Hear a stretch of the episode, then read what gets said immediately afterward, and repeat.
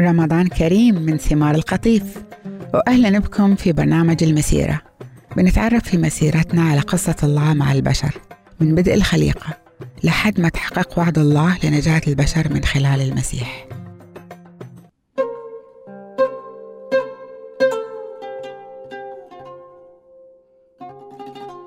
وهم قاعدين ياكلوا.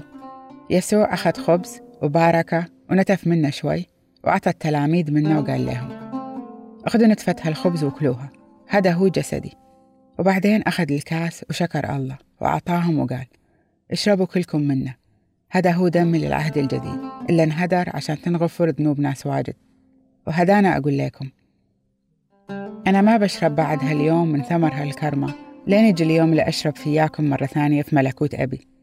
وبعدين قاموا يسبحوا الله بترنيم وتهليل. وطلعوا برا وراحوا عند جبل الزيتون.